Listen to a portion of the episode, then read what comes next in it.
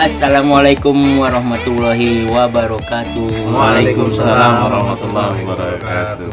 Ketemu lagi sama kita sebatas seputar bicara tentang sosial, tapi lebih pokok kepada agama Islam. Itu tuh. Tadi gue pengen ngomong nih, lu ngomong sosial tapi bahasannya soal Islam mulu nih.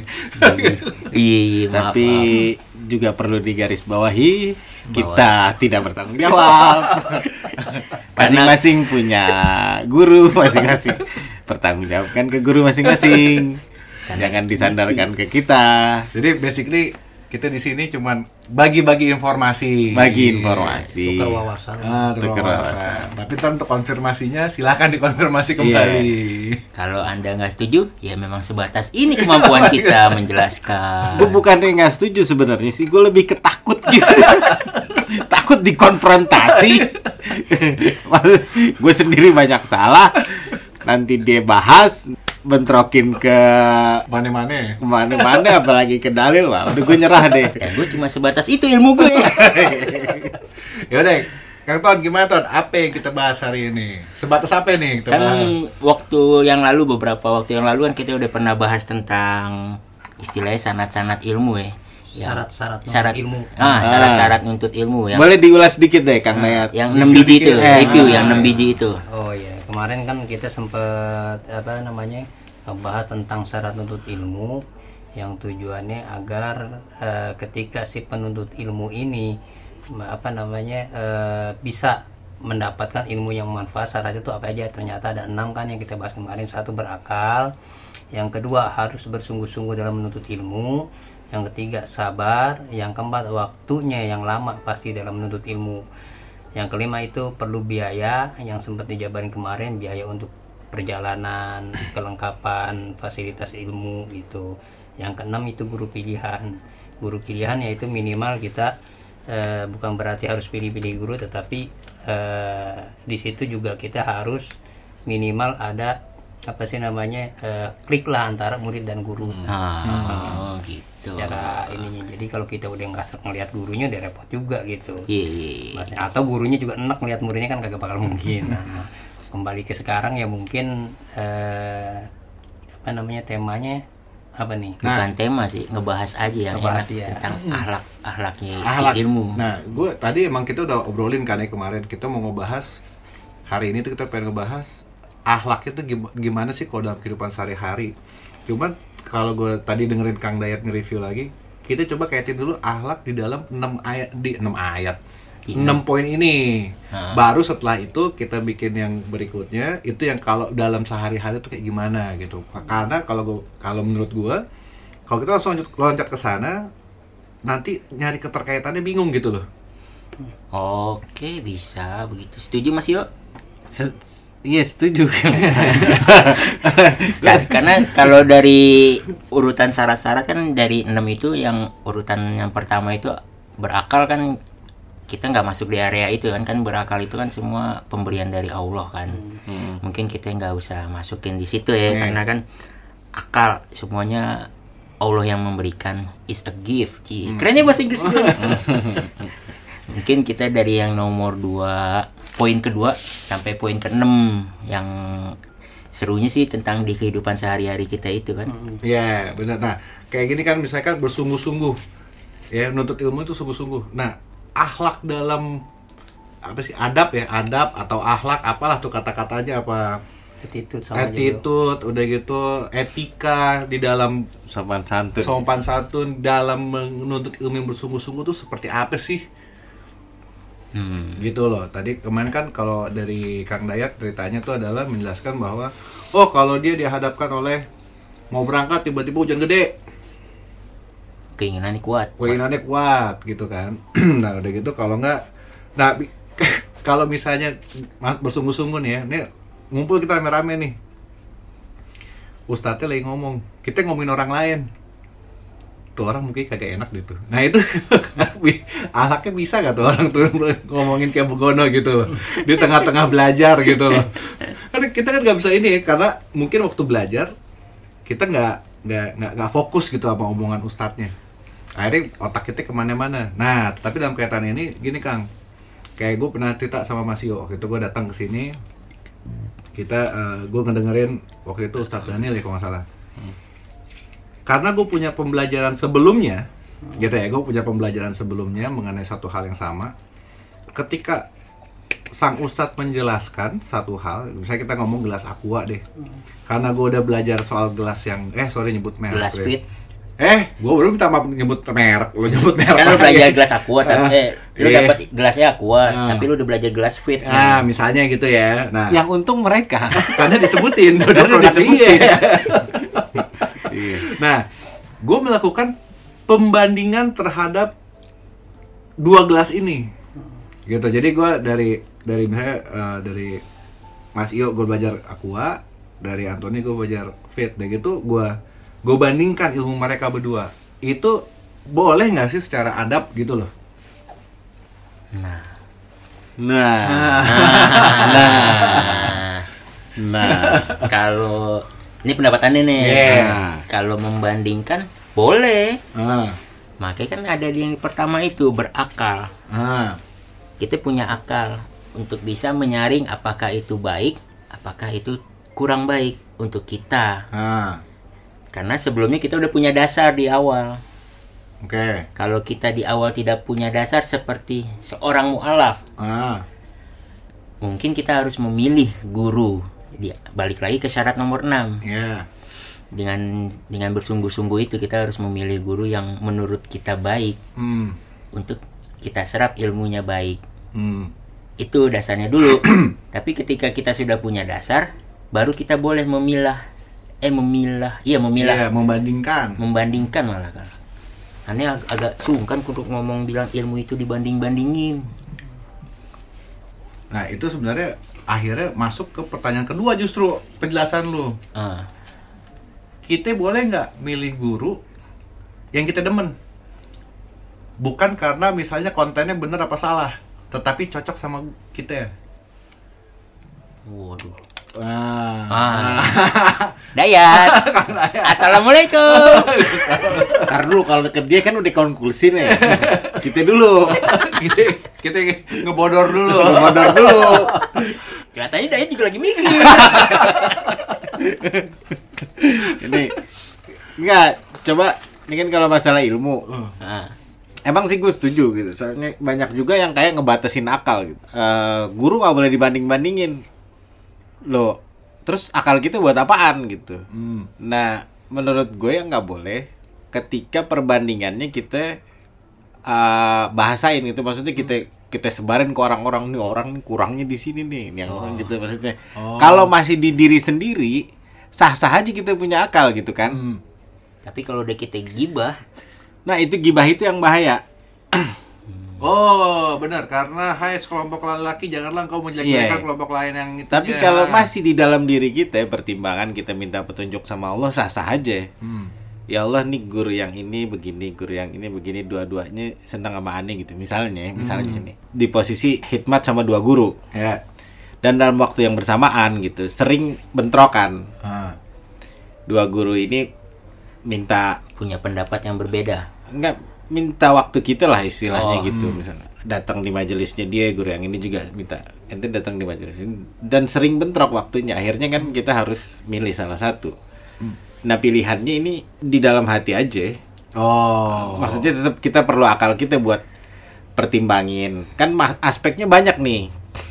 Ya, ya. Iya, dua-duanya sama-sama ngajarin ilmu. Ya kalau kerjaan kan lebih gampang ya. Ah, Ah, kita ke freelance di dua bos. Ah.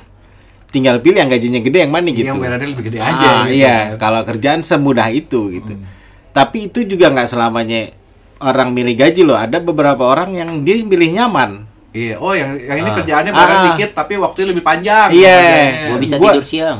Gue di sini bos gue yang ini gue dikasih eh, kebebasan beride gitu segala macam. Gue bisa ini- yang di sini gede sih, cuman kayaknya kaku banget gitu. Gue gak nyaman nih. Macam-macam setiap orang punya gaya. Akhirnya balik lagi ke poin nomor 6 cocok-cocokan gitu kan. Ah. Ada eh, kebebasan buat milih guru. Nah di sini ya gue lebih setuju make akal itu kita gu- gunain akal buat dalam diri, tapi buat ke orang, ke orang lain kita nggak perlu. Oh, jadi jangan sampai mempengaruhi orang lain lah. Ah, ah, kita nggak harus pengaruhin orang lain. Ya kalau teman kita lebih cocok sama yang A, ya biarin deh sama A. Hmm. Teman yang satu lagi cocok sama B, ya biarin sama yang B gitu. Hmm. Nah kita pilih salah satu ya sesuai kecocokan kita kan akhirnya. Hmm. Pakai akal tetap kan? Akal. Tetap, tetap. Iya. Ah, Itu akal kan akal paling penting kan. It's a nomor gift satu. karena nomor Iya. satu, karena dia pemberian Allah. Nah, udah gitu yang kedua yang tadi gua yang tadi gua tanya kan. Artinya boleh nggak sih gua ngambil let's say gini deh, kita ngomongin apa ya? Aduh, kayak oh, misalnya nih. Nih Ustadz bilang zakat 2,5%. persen. Yang ini Ustadz bilang zakatnya 20%. Gitu ya, ada dua nih. Ini Iya. contoh, contoh, Contoh, contoh, contoh. contoh, contoh. Oke oke. Bukan ada di lapangan. gitu. Iya. Walaupun ada, tapi contoh. Gue mau ngambil yang 2,5% bukan karena gue nggak mampu yang 20%. Tetapi ah gue pengen yang ini aja deh. Karena Hmm. merasa yakin ini baik. Bukan baik, Oke. ngentengin buat gue. Oh, Gitu loh. Jadi bukannya jadi berarti gue ngambil yang yang yang cocok buat gue gitu loh. Mm. Yang enak buat gue.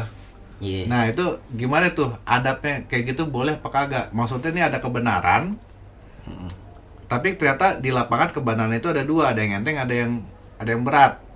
Terus gue ngambil enteng bukan karena ini cocok atau bagus atau baik atau sesuai, tetapi yang menurut gua, menurut interpretasi gua ini yang lebih ah lebih yang ini aja deh, gitu loh. Kalau Paham itu nggak? paham, paham, Kalau itu sama, gue juga, gue seoportunis itu berangkat. Iya, itu itu. Kalau ngomong ke gue kita cocok. Pasti ngambil yang dua setengah persen. Iya. ya gitu. Tapi kalau menurut gue nih, kalau berdasarkan itu balik lagi ke dasar tadi. Hmm. Kayak dasar tadi itu. Dasar ilmu kita adalah dari awal kita ngambil istilahnya mazhab. Hmm. Ilmu kita mazhabnya ke mana? Batasannya kita adalah di mazhab itu. Kita lagi belajar di tentang ilmu sab, mazhab Syafi'i. Hmm. Lebih baik kita mempelajari dasar-dasarnya dulu tentang mazhabnya Hmm. Syafi'i. Hmm, tapi juga lo bikin komparasi yang mazhab yang lain dong. Ya, ketika ada Supaya lo- komparasi itu kan itu kan nanti. Yang penting kita punya dasar dulu. Hmm. Ketika komparasi komparasi itu mulai ada, itu ketika kita sudah mulai bisa menggunakan akal kita dengan baik dan benar pada waktunya. Jadi berat obrolannya ya? Dia sendiri yang ngomong juga nggak tahu. Enggak, iya. Saya juga pengen nanggepnya bingung jadi. Enggak, jadi gini. Yang ada sekarang di sekarang nih, kalau di kehidupan bermasyarakat sekarang, ada yang ngomong gini, eh, lu mendingan sama Ustadz yang ngono. Ustadz Oh. yang ngono tuh lebih eh, Fleksibel. lebih fleksibel. Ustadz yang ngono tuh nggak ini gitu. Saklek. Lu saklek, udah gitu. gitu. kalau- Bahasa-bahasa di kampung begitu tuh. Eh. No enak lo dia no, fleksibel. Kasih masukannya. Gitu. Ah, dan, tapi bukan tentu ilmunya lebih tinggi atau lebih rendah ya, tetapi Iya. dia lebih oh iya ini bisa begini. Nah, Gaya pada akhirnya kan yang di orang nyari yang nyaman Nah. untuk diajak bicara Nah, tentang tapi- permasalahan hidupnya. Nah, tapi kan Islam kan bukan soal kenyamanan. Bener Iya. apa salah? Tapi kan dengan kesabaran sampaikan kebenaran harus ada kesabarannya. Cakep nomor tiga. Ah. Yeay. Mantap juga. Masuk Pak. Iya. Watawasau bil haq, watawasau bis sabr. Ah, Jadi kalau benar nggak ada sabarnya juga nyakitin. gitu. Iya, Curhat dong, mah. iya. Nggak, eh, jangan dilepas-lepas. Ah, iya, kayak nah kayak gini juga deh. Contoh lagi di lapangan ya. Ada Ustadz Tenar nih. Mm-mm. Enar, oh semua mama demen sama doi dah. Nggak, nggak jadi manggung. Nah, enggak, bukan. Oh, beda itu lagi. tadi. beda lagi. beda lagi. Nah, tiba-tiba nih Ustadz, aduh, ada ribet juga nih gue ngomongnya nih. Tiba-tiba kalau gue sebutin kasusnya semua orang tahu jadinya kan. Tapi udahlah kita omongin aja lah ya. Nggak sebut nama. Ah, nggak sebut nama. nama. Karena yang banyak mengikuti emak-emak gitu ya. Tiba-tiba nih Ustadz kawin lagi. Kawin lagi. Nah, terus mama langsung yang hilang tuh. Unfollow. Unfollow gitu. Unfollow. Unsubscribe. Padahal omongan ibaratnya ilmu yang disampaikan oleh dia Bener. benar Hmm. gitu loh dan permasalahan dia mau kawin lagi itu kan pribadinya doi dan tidak mempengaruhi konten ilmu yang diberikan Iya. tetapi ini yang followernya nih merasa terkhianati, terhianati gitu kan. Hmm. Nah, yang kayak begitu tuh gimana sih adabnya tuh boleh nggak? Gue nggak suka sama, gue nggak ikutin tuh Ustadz karena gue nggak suka sama kelakuannya. Iya, dia ngelihat Ustadz kayak ngelihat Nabi sih. Iya. Eh, Nabi sembilan. Iya. Eh, banyak lagi. Maksudnya ngelihat orang eh Nabi kan maksum. Wah, eh terjaga dari kesalahan. Adapun itu sesuai perintah. Kalau Nabi ngelakuin sesuatu sesuai perintah. Kalau manusia biasa ya punya keinginan, ya bisa jadi juga dia perintah Ah. dan nggak usah kita usik kehidupan pribadinya. Yang kita butuhkan ilmunya. Nah, itu dia. Jadi kan akhirnya mengkerucut nih dari dari kita awal tadi tuh 10 menit yang lalu kan, akhirnya benar mengkerucut. Kita tuh kalau milih guru, ya kan. Apa yang dilakukan dalam kehidupan pribadinya, kita ikut masukin dalam penilaian nggak? Dalam kita milih tuh guru. Kita lebih gampang nerima kalau itu ilmu dunia. Hmm. Ustadz juga manusia. Iya, kita bahkan lebih toleransi ketika kita butuh itu tentang dunia. Hmm. Sederhana di sini apa ya? Ah, studio alat musik. Kita mau belajar bass, Nah, bass gitar gitu kan. Karena dia jago, ya Ah. gitu kan. Karena dia piawai main musiknya. Kita nggak kepo tuh, mau dia istrinya satu, istrinya dua, atau malah dia gay, penyuka sesama jenis, dia mau Dukung. Ah. Ente dukung. Enggak. Enggak tahu. Jangan dibahas. jangan. Nanti follower kita yang minta didukung, stop. Iya. Enggak maksudnya kita lebih gampang nerima ketika itu ilmu dunia. Oke. Kita bahkan jauh lebih profesional dengan kita Kehidupan dengan sadar kita seseorang. ngomong, gue nggak mau ngaku kehidupan pribadinya ya. Kan Iya. gue mau belajar bass. Nah, Kenapa nggak kita terapin juga misalnya di ilmu misalnya ilmu agama, tapi orang bakal lebih rewel kalau ilmu agama. Ustadz tuh harusnya kan begini, harusnya begini. Kok kita ngatur duluan? Harusnya kita nggak usah atur gitu. Maksudnya Karena itu udah ada ranah pribadinya dia. Iya karena pribadinya dia nggak usah kita kepoin. Nggak ribet ini kan Betul, ilmu dapurnya segala macam kita kepoin gitu. Padahal nggak perlu. Nah kita mau belajar. Nah, itu kan artinya kan kita masuk kan ke ranah akhlak ya. Iya. Iya kan? Iya Maksudnya, adab, adab adab. kita salah satu doa bela- nuntut ilmu itu kita minta dihijab dari aibnya guru. Kita minta sama ya Allah tutupin biar saya nggak ngelihat aibnya guru. Betul dan di Quran pun dibilang Allah sudah menutup aibmu kalau kebuka ya lo yang ngomong sendiri kan gitu Iya. kan. Makanya adab kita sebagai murid ketika mau ngambil ilmu dari guru, kita minta doa sama Allah, minta perlindungan dari Allah, biar nggak kelihatan itu aibnya guru di depan mata kita. Jadi mulut kita nggak ember ya. Iya. Terus yang lihat masih butuh waktu buat mikir gak? Kita mesti ngomong terus Iya. nih. Gimana? Iya. Oke, Udah udah 17 menit nih. 17 menit berjalan tapi tidak ada suara daya, saudara-saudara. eh, gini aja lah. Yeay. Kalau boleh ngomong sedikit nih, Iya. tambahin atau ya mohon maaf kalau misalkan malah malah jadinya ini Nah, nanggepin satu-satu dulu yang aneh tadi aneh inget tuh. Iya. Masmu bilang masalah ada ulama, kiai besar gitu kan. Banyak pengikutnya tiba-tiba ketika dia bikin satu kesalahan, buyar semua nih pengikutnya kabur. Tar dulu Kang, belum tentu kesalahan, belum tentu kesalahan. Itu bukan Iya. salah. Bukan salah. Ya. Perbuatan salah satu perbuatan. Yang yang, tidak- yang tidak dianggap sama sesuai. orang, yang Oh, sama iya, orang pengikutnya kan jadi salah kan karena ibu-ibu semua kan. Iya. Nah, makanya Ani juga sempat dengar di apa ya, eh, ada satu talim kebetulan kiai setempat di kampung Ani ngomong. Jadi namanya manusia tuh kuncinya apa? Kalau dibilang cinta ke kiai pun ke ulama pun ya tetap tapi tadi eh, Mas Yo bilang gitu kan. Jadi mereka tuh nggak masuk seperti Rasulullah. Jadi kalau emang mau cinta tuh jangan terlalu cinta, kalau mau benci jangan terlalu benci. Dikhawatirkan begini, ketika memang di sana kan ada juga nih ada apa namanya sih ada sempat inilah ada semacam agenda gesekan salah satu majelis dengan majelis yang lain berarti kan dua majelis yang berbeda dengan dua pemimpin yang berbeda. berbeda.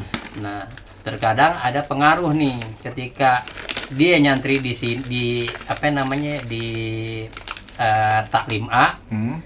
ketika dia tahu kabarnya seorang pemi eh, dua orang pemimpin ini berdebat jadi kan mau taklim ke sana nggak enak Ya. begitu juga sebaliknya tapi akhirnya kan itu gonjangannya agak lama dia bilang gini makanya ketika kita cinta sama orang jangan terlalu cinta benci jangan terlalu benci yang dikhawatirkan ketika udah terlalu benci misalkan ada yang benci kelompok terhadap saya nih Hmm. Nah, sedangkan apa namanya selama ini kan pekerjaan saya kan dakwah. Nah, karena udah terlalu benci, apa pun yang saya ucapkan udah dianggap salah, walaupun di situ ada poin benernya. Nah, sayang juga terlalu sayang atau terlalu apa ya, ngefans banget lah gitu. Nah, ketika dia dakwah di depan atau mengasihkan ngasih apa pendapat atau instruksi yang salah karena terlalu cinta jadinya ikut-ikutan gitu. Jadi maksudnya apa? Tetap kita di jalur kita gitu dalam artian Akal itu berarti penting ya? akal penting. Nah, makanya juga kan tadi dari tadi kan kita ngebahas juga masalah kaitan ilmu sama akhlak.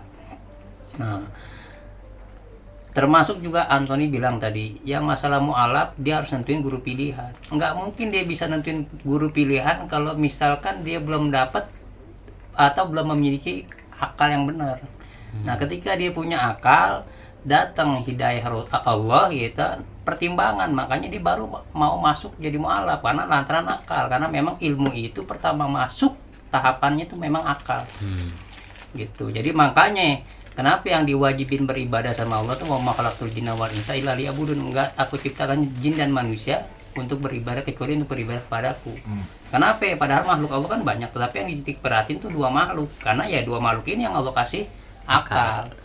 Nah balik lagi dari tadi kita bicara masalah akhlak adab apa namanya sopan santun attitude nih. Balik lagi semuanya. Nah sebenarnya apa sih kaitannya? Kalau menurut aneh yang aneh dapat tuh jadi akhlak tuh kita dapat tuh dari apa dari ilmu. Jadi kita akal kita belajar untuk ilmu dapatlah bab akhlak. Bab adab adab terhadap guru adab terhadap sesama terhadap Allah maha pencipta sang holik terhadap Rasulullah terhadap orang tua yang terhadap orang yang lebih tua yang sebaya yang kecil. Nah tetapi ketika kita nuntut ini menjadi akhlak itu bagian dari ilmu. Itu nah tetapi ketika kita udah ketemu bab-bab akhlak yang tersebut atau bab-bab adab tersebut nah maka adab ini yang di keatasin dibanding walaupun nih ilmu ini adalah apa namanya eh, Sumbernya. ah, ah, sumbernya. Jadi oh nyati ilmu ini jadi intinya apa ya? Yang dijadiin pedoman tuh yang bab-bab akhlak tadi. Didahulukan. Ah, ah, didahulukan. Jadi kayak gitu. Jadi tanpa kita nuntut ilmu nggak mungkin kayak kita tahu akhirnya oh dari ceramah atau dari guru kita. Sesungguhnya apa namanya eh, Rasulullah diutus ke muka bumi ini untuk menyempurnakan alat kenapa? Karena kita bertaklim karena kita ngaji karena kita tolak ilmu ya kan? Nah jadi ketika kita udah dapat ilmu ketemulah bab-bab itu. Nah maka apa namanya ini diutamakan ilmu nih di ini. Tetapi bukan berarti jadi adab tuh adalah bagian dari ilmu, Ilmu. itu sendiri gitu Ini jadi pembicaraannya lebih kayak duluan mana akhlak sama ilmu. nah Nah, tapi kalau dari Kang Dayat barusan, kita bisa tahu akhlak gara-gara ada ilmu. Jadi ilmu duluan yang masuk. Dia ngasih tahu soal akhlak, tetapi begitu kita udah so- paham soal akhlak, akhlak menjadi pedoman dalam mengejar ilmu. bisa lebih mudah itu dibandingin kita cari ayam duluan mana ayam sama telur Iya, Duluan ayam. duluan Ah, ayam. kita bilang ayam duluan Gampang. tadi nah, Karena Allah menciptakan makhluk hidup bukan telur. hmm, gitu. jadi duluan ayam Ayam. Emang telur apa? telur bebek Nah, duluan bebek. Ternyata berat beratnya ya. Iya.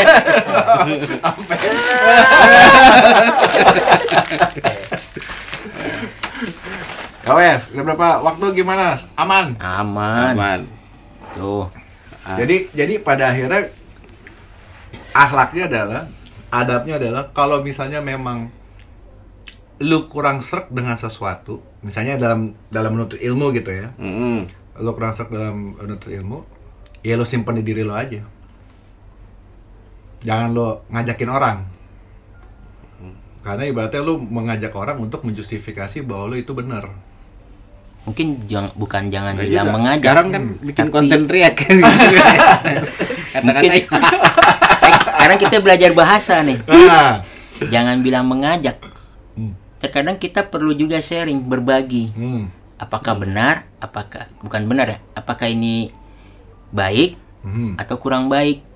Kita kan terkadang butuh masukan dari orang lain yang berakal juga Dan mengalami hal yang sama. dan mengalami hal yang sama. Iya Terkadang juga benar-benar. Hmm. terkadang kita butuh kayak semacam pendukung support system Oh, oke oke oke. Ibaratnya lo tahu dari mana bahwa nih roti enak kalau lo nanya sama orang yang belum makan nih roti gitu kan. nah Intinya itu. kegelisahan kita kita curahin awal-awalnya ke orang-orang yang kita kita mengerti juga dia bisa Ah, dan kita percaya mereka bisa jaga kerahasiaan, jaga jaga- kerahasiaan dan bisa memberi punya masukan. mumpuni, punya ilmu latar belakang yang bagus gitu ya. Iya, bisa seperti itu sih. Jadi terkadang memang kita harus berbagi Mhm. atau ada satu sisi yang memang kita harus meng- menyimpan itu sendiri dan memilahnya.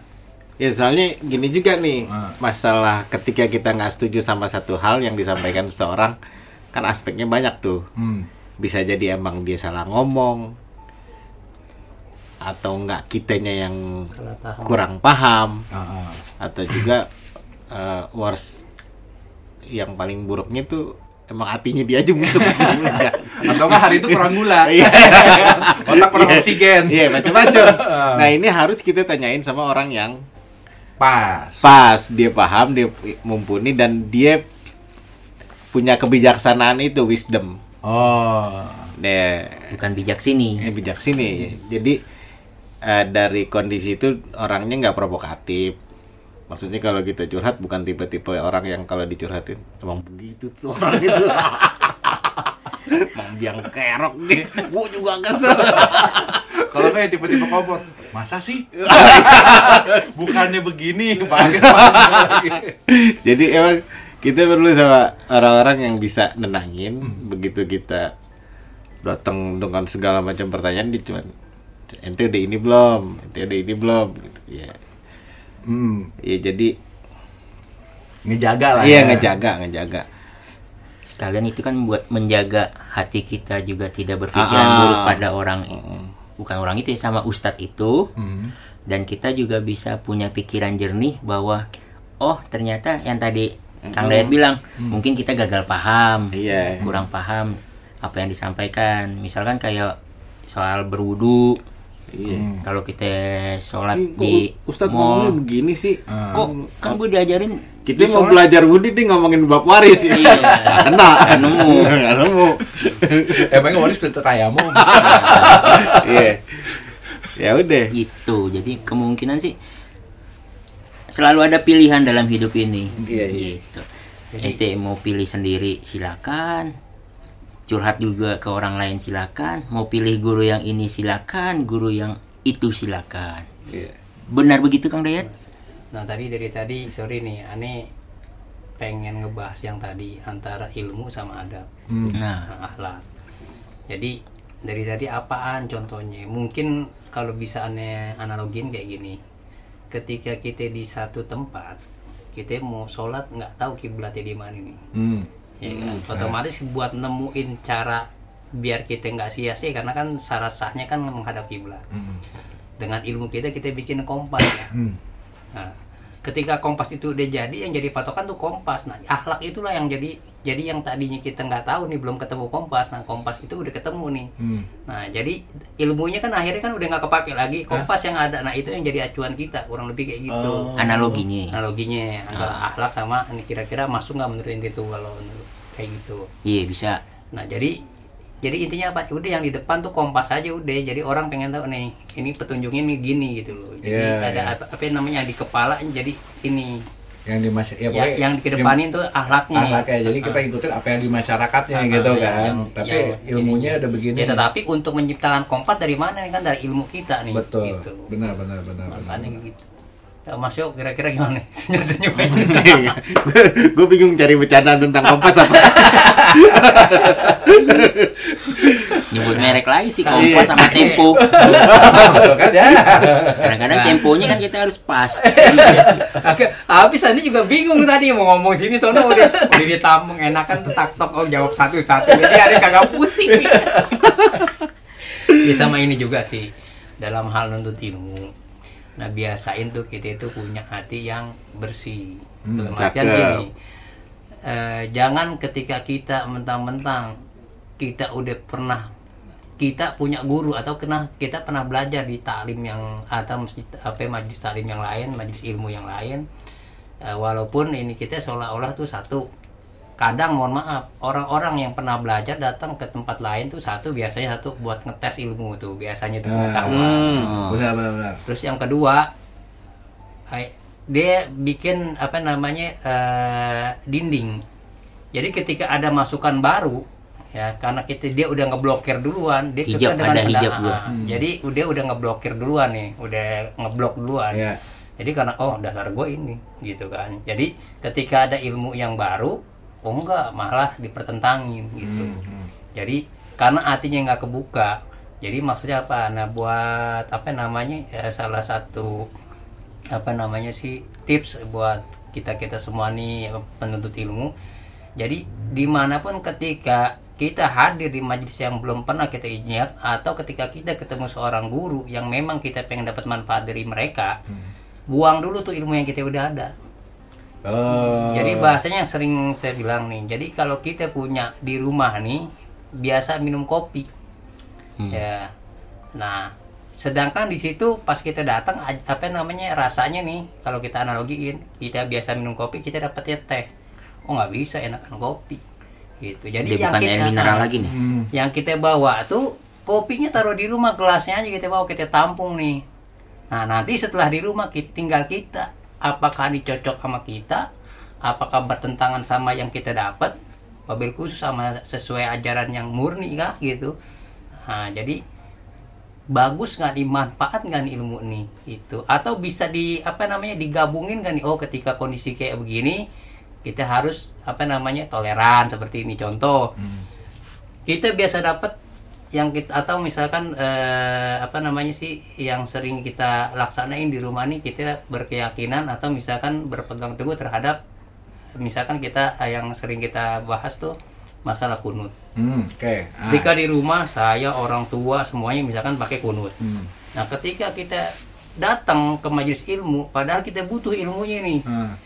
kita nggak punya ilmu tajwid di situ apa namanya belajar tentang tajwid tetapi kita tahu jamaahnya atau ustadznya ini dia nggak pakai kunut Oke. jangan lantaran hal itu akhirnya apaan karena hati kita udah ngeblok nih Hmm. akhirnya apaan tujuan awal kita nerima ilmu tuh nggak bisa dapat lantaran ada perbedaan Gara-gara si kuno. Nah, nah, jadi ambil aja ilmunya yang masalah kunut itu atau yang lain itu di kita pisahin dulu. Nah, ketika di rumah, oh di sini saya nggak pasti di sini karena kebetulan saya apa namanya eh mazhabnya Syafi'i kita pakai kunut. Hmm. Tetapi yang saya ambil nih ilmu tajwidnya. Hmm. Karena emang di sini manfaatnya yang buat saya yang saya belum punya gitu. Jadi ada ada yang harus kita pisahin, ada yang harus bisa kita terima. Gitu. Jum- Jangan lantaran ada perbedaan, satu perbedaan semua yang baik itu akhirnya ditolak sama dia. Iya. Sama si penuntut ilmu. Yang tadi aneh bilang memilah aja memilah, Ah. bukan memisahkan. Iya. Tapi dipilah. Tapi emang gue setuju sih.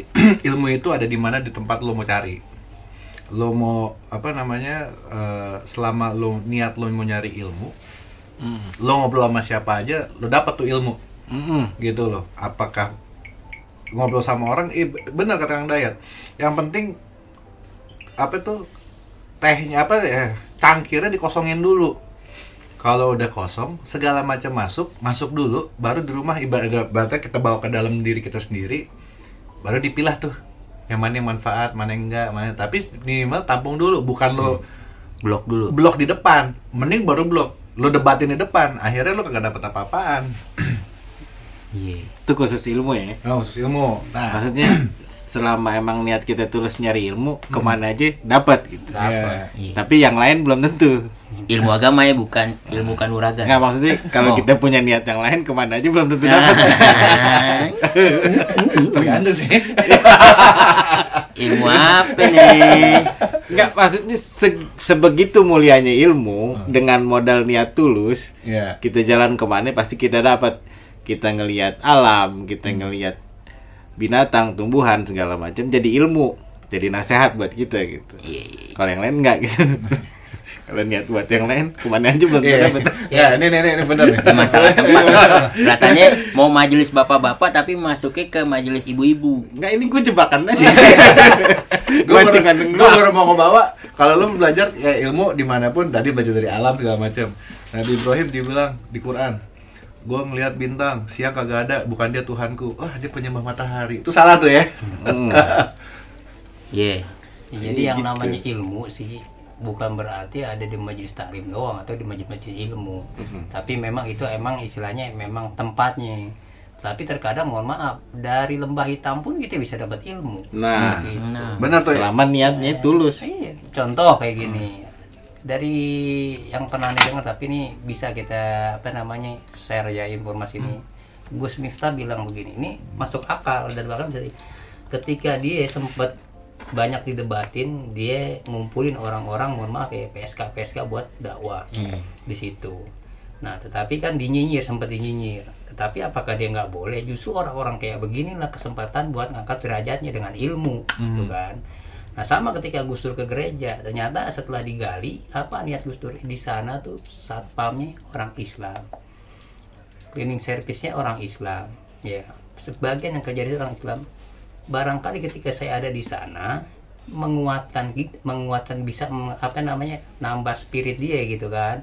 Nah atau bisa jadi ketika dia di sana ditanya tentang Islam dicerita. Nah karena kan Rasulullah juga mendakwakan kan terhadap non Muslim betul. Ketika kita nggak berani ke sana bahasanya yang ngedakwainnya ya sebab jadi kita jebar jalannya di kisaran empang doang bukan di laut kan kayak gitu. Nah sama yang tadi Gus Miftah bilang ketika saya ngumpul di majlis yang dianggap kata orang tempat-tempat apa ya, PSK nih hebatnya begini yang saya dapat ilmu dia bilang. Ini PSK ngelihat apa namanya ibu-ibu pada baru keluar taklim Hmm. Nah waktu itu cuman eh, Gus Miftah ini dalam ceritanya tuh dia nggak nggak lagi taklim nih. Nah, Ibu-ibu kemungkinan bisa jadi ada pola pikirnya begini. Dia orang baik nih secara penampilan, Nah. secara oh keluarnya dari taklim Yo, atau yo. pengajian. Nah ketika dia ngelihat orang-orang yang kayak gitu, tuh orang begitu amat sih kerjaannya maksiat. Nah, Nah. pandang orang-orang yang ngeremehin orang-orang PSK itu, ya kan? Nah, berarti kan baik, tapi hatinya kurang baik. Nah, justru giliran PSK mandangnya lain. Dia orang yang nggak benar menurut mata orang, tetapi duh enak bener ya orang-orang kayak gitu bisa ada kesempatan ngaji, bisa bareng-bareng silaturahim, deket sama Allah. Kapan saya bisa kayak gitu tuh? Kira-kira berbanding terbalik nggak antara yang dilihat secara mata nih lebih mulia nih ketimbang orang nih. Tetapi kenapa orang yang menurut kita hina berpikiran positif? Makanya mohon maaf. Banyak kisah-kisah menceritakan ada banyak ada beberapa kisah yang menceritakan tentang PSK masuk surga gitu. Jadi Ya. maksudnya apa? Ya makanya rahmat Allah tuh nggak sebatas orang yang tolak ilmi doang orang yang ibadah doang gitu Ya, jadi ibaratnya secara akhlak itu jangan ngeremehin orang kalau mau Iya. nyari ilmu. Eh, kalau dari episode yang lalu juga kan Kang Soleh juga cerita kan, justru guru-guru ter- eh, guru-guru yang ber- berkesan buat dia justru satu tukang apa namanya tuh Bubur. tukang bubur kacang hijau. Nah, satu tukang gorengan. Tukang tapi, gorengan. tapi ternyata ilmu yang Kang Soleh dapat dari situ justru lebih Berguna. bermanfaat buat hidup dia sekarang gitu loh. Karena ya ini yang berbekas ya mungkin di benak Kang Soleh itu ya dengan keterbatasan mereka bisa apa namanya berbagi. Nah, Terus Pengorbanannya. pengorbanannya. Dan yang kedua dia bukan cuman teori doang yang dia sampaikan. Dari praktek juga dia ini. Jadi jangan sampai kan kebanyakan mohon maaf. Makanya kan ya banyak nanti itu kan kisah-kisahnya itu kan ya dicerita-cerita apa hikmah gitu. Banyak ulama-ulama tuh yang pada akhirnya tuh dia sendiri nyemplungin diri dia sendiri ke neraka. Kenapa? Dia bisa berdakwah dengan lisannya tetapi apa perbuatannya nggak sesuai sama yang dia dakwakan itu berarti kan termasuk kategori orang munafik. betul. Berarti kan kayak gitu. Bisa bisa. Jadi kayak model begitu berarti lebih baik ente bermaksiat tidak berilmu dibandingin berilmu tapi tetap bermaksiat. Iya, karena kan Itu berat tuh, gue lagi mikir tuh Nggak gimana. juga. Logikanya nggak nggak cocok. Iya, Itu gue lagi, gue lagi, gue tar, tar, tar, tar, tar. Tapi bukannya begini ya. Dengan dia bermasakan ilmu lebih gampang. Iya. Nggak, Jadi ya, gini. Gua kasih yang gampang ya. Dua motor, dua orang pengendara motor sama-sama ngelanggar lampu merah. Ah, nah, Bedanya yang satu punya SIM, yang satu enggak. Dua-duanya salah kan? ah. Nah. Lebih salah mana nih? Lebih salah mana? Yang punya SIM. Yang punya SIM. Karena dia udah dia dia dia dia, dia tahu, Dia tahu. bahwa dia ngelanggar. Nah, yang nggak punya SIM sebenarnya tahu juga dia ngelanggar. Nah, Jadi cuman kagak mau belajar. dia sombong, nggak mau bikin SIM. Iya, dia kagak mau belajar. Gitu. Bentar, bentar, bentar, bentar, bentar, bentar, bentar, bentar, bentar. Ini seru nih, ini seru nih, ini seru nih. Tahan. 39. Iya, iya, bentar, Nah. bentar. Jadi ini gue bawa ke dunia hukum dulu dikit nih. Oke, dunia hukum. cakep. Minum Ya, dulu. Heeh. Rizal tinggal satu gue. Iya, sip. Minggu Nah. depan bisa kali kopi ya. Masa air mineral mulu yang dibahas. Jadi waktu itu gue pernah bahas sama babe gue. Kan ada lawyer nih ya, lawyer. Lawyer itu kan dia belajar soal hukum. Ya kan dia belajar soal hukum dan dia belajar soal tata cara, selah-selahnya, lu mau lari ke mana dalam suatu masalah hukum.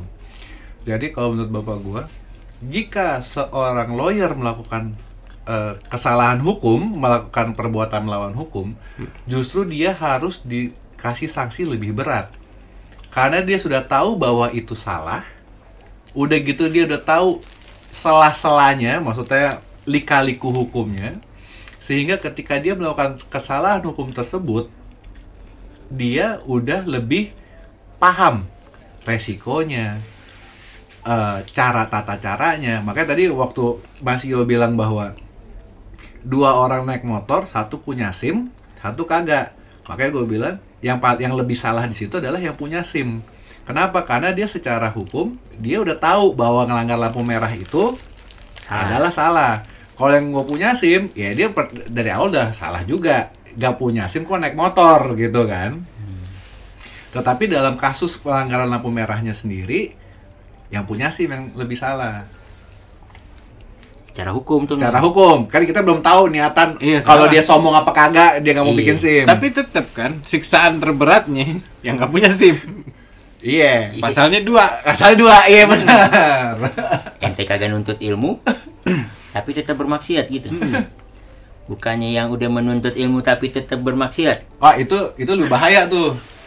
Ini kan gara-gara gara-gara akhlak nih akhlak Enggak, masalah ahlak ada terhadap gara-gara punya ilmu bukannya seseorang itu bakal terbebas dari maksiat. Betul, setuju. Nggak ada jaminan ketika kita punya ilmu kita bakal terbebas dari maksiat gitu. Betul. Nah, ini harus kita terapin ke semua orang, Hmm. Ke orang-orang lain. Efeknya nanti ke situ. Ketika kita menghormati seseorang dan kita niat mau ngambil kebaikan dari dia, misalnya ilmunya baik, ilmu dagangnya. Akhirnya yang kita ambil fokus ke ilmu dagangnya, nggak harus ngelihat kelemahannya dia sebagai manusia. Oh, iya iya iya. Jadi kita bisa profesional. Nah, kalau mau misalnya ngomongin agama, dia bagus di fikihnya. Tapi mungkin kelakuannya masih sering nyimpen keris. Entah dia hobinya itu Iya. emang senang benda-benda Antik. antik, nggak usah kita pusingin. Pas dia ng- Ngajar ngajar kan fikih, ya. bener gitu. Iya. Nah ini kalau aneh konteksnya di situ nggak nggak nggak selamanya orang yang berilmu ketika bikin salah dia harus nanggung beban yang lebih berat gitu. Itu apalagi zaman sekarang orang ngelihat Ah. penampilan kan gitu kan. Nanti ke ulama yang ente bilang tadi tuh gara-gara dia poligami langsung rentetan hinaan ditinggal sama ibu-ibu kan kesian apa poligami misalnya. Tapi ada ada juga pendapat kayak begini. seru nih poligami nih oh bukan akhlak yang masalah apa namanya pendapat. Jadi ada dua murid dia ceritanya ngegibahin kekurangan salah satu kiainya. Hmm. Wah kiai ini bilang ngajar begini, tapi dia kejelekan dia begini begini begini begini. Mm-mm.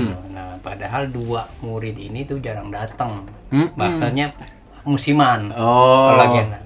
Nah, tetapi ada salah satu murid yang isi koma. Ah.